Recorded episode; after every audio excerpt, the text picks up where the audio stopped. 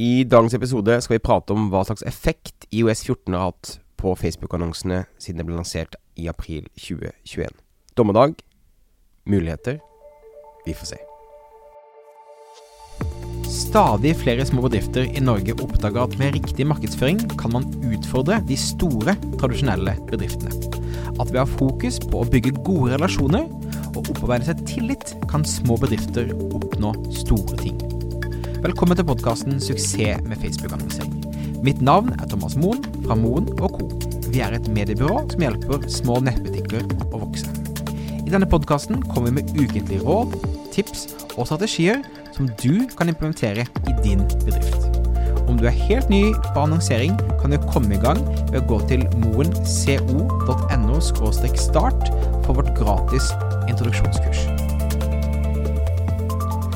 Ok, folkens. Da har jeg hatt en, en deilig, lang eh, liten feriepause fra denne podkasten. Og noe av det som har gledet meg veldig, er at det er mange av dere som har savnet den.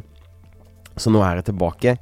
Eh, det var Vi har kjørt ganske mange måneder, år, med ukentlig podkast. Jeg trengte en liten sånn pustepause.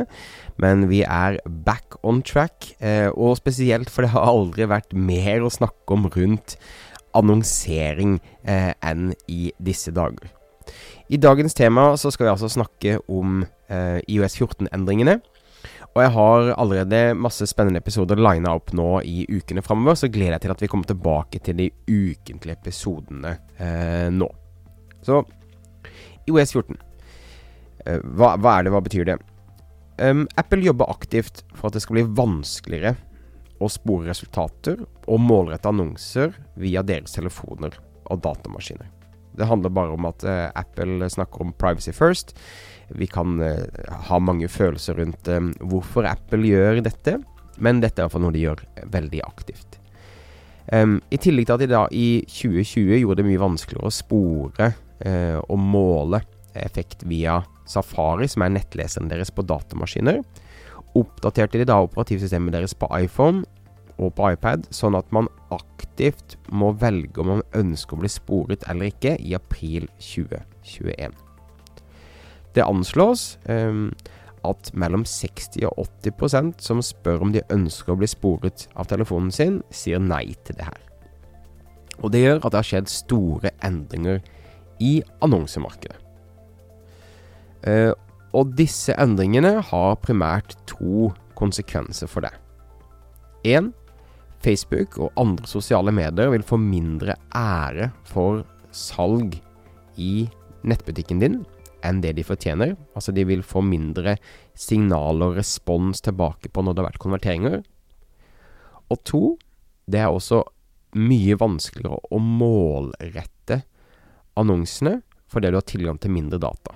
Det er vanskeligere å bygge et, et egendefinert publikum, og det er også vanskeligere å finne kundene dine via Facebook sin egen data.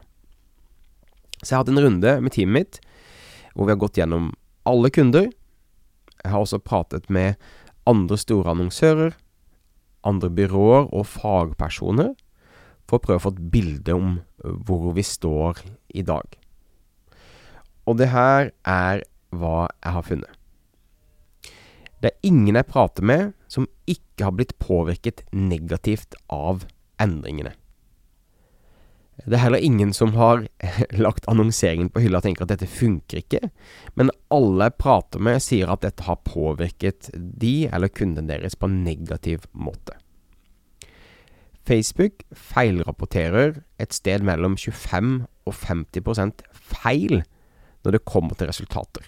Altså Du kan risikere at Facebook verken ser eller viser deg 50% av salgene du har hatt.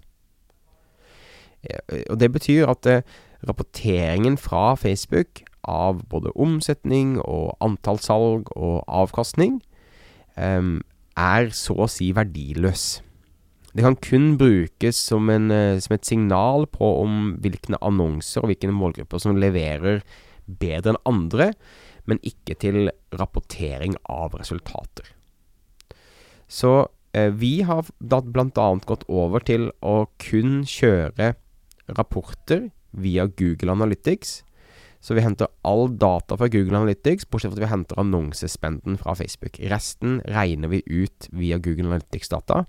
Vi må hente ut snittorderverdi, konverteringsrater osv. Og, så og estimere resultater uh, ut ifra det. Vi ser også at det normalt tar minst 48 timer fra et salg skjer i nettbutikk til det er synlig hos Facebook. Så det også gjør at vi måtte endre måten vi optimaliserer annonser drastisk. Vi ser normalt ikke på de siste 48 timene resultater i det hele tatt. Vi lar det gå lengre tid før vi endrer noe for å få inn mer data.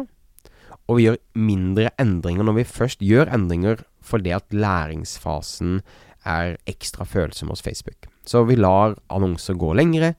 Eh, vi lar eh, målgrupper eh, holde på lengre for å sørge for at man får mest mulig ut av hver eneste annonsekrone. Så hva betyr dette for deg? Jo, eh, bruk Facebook-rapporter som et styringsverktøy for optimalisering av annonser, men ikke for rapportering. La det komme inn mer data, la det gå lengre tid før de gjør endringer. Gode annonser Vi ser at, at det fortsatt er fullt mulig, og vi har mange kunder som har veldig god lønnsomhet på annonsene sine. Og som har vekst, og som omsetter mer måned for måned for måned.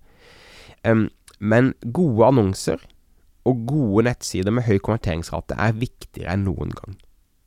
Så bruk ekstra mye tid og energi på å lage gode annonser. Og ikke minst sørg for at e-post, organiske sosiale medier osv. driver opp livstidsverdien til kundene dine ved å selge til de igjen og igjen og igjen via disse kanalene også. Jeg mener fortsatt at de aller fleste bedriftene er helt avhengig av å annonsere for å vokse. Og dette gjelder ikke bare Facebook-annonsering, dette gjelder på tvers av alle plattformer. Snapchat og TikTok, alle har de samme utfordringene. Det er ikke bare Facebook som, som eh, opplever disse eh, endringene fra Apple som krevende. Men de fleste bedrifter er avhengig av å fortsette å annonsere, men de må bruke mer tid og energi på dette enn tidligere. Altså det er mer krevende, det er vanskeligere, men det har aldri vært viktigere. Samtidig så må du da fokusere på miksen av, av andre kilder til salg.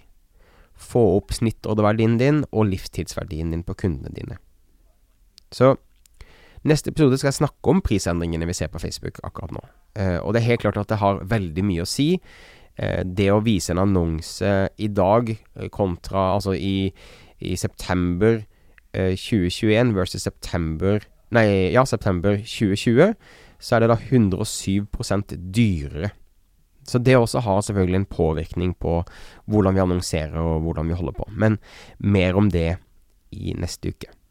Til nå så er det bare å tenke på at Eh, disse endringene har kommet for å bli. Vi jobber hele tiden med å prøve å finne gode løsninger som er ikke er noen sånne kjappe hacks her fram og tilbake. Det er ikke sånt som fungerer i det hele tatt. Men vi jobber målrettet, og vi har god dialog med andre byråer, andre annonsører på å finne ut av hvordan man kan navigere i disse endringene.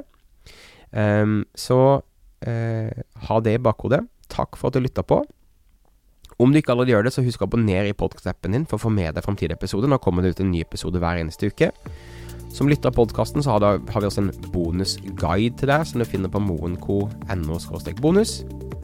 Om du driver nettbutikk og ønsker å vokse, så kan du lære mer om hvordan vi kan hjelpe deg med det på moenco.no annonsering. Mitt navn er Thomas Moen. Det var godt å prate med deg igjen, og vi høres igjen neste uke for en ny episode av Suksess med Facebook-annonsering. Ha det fint!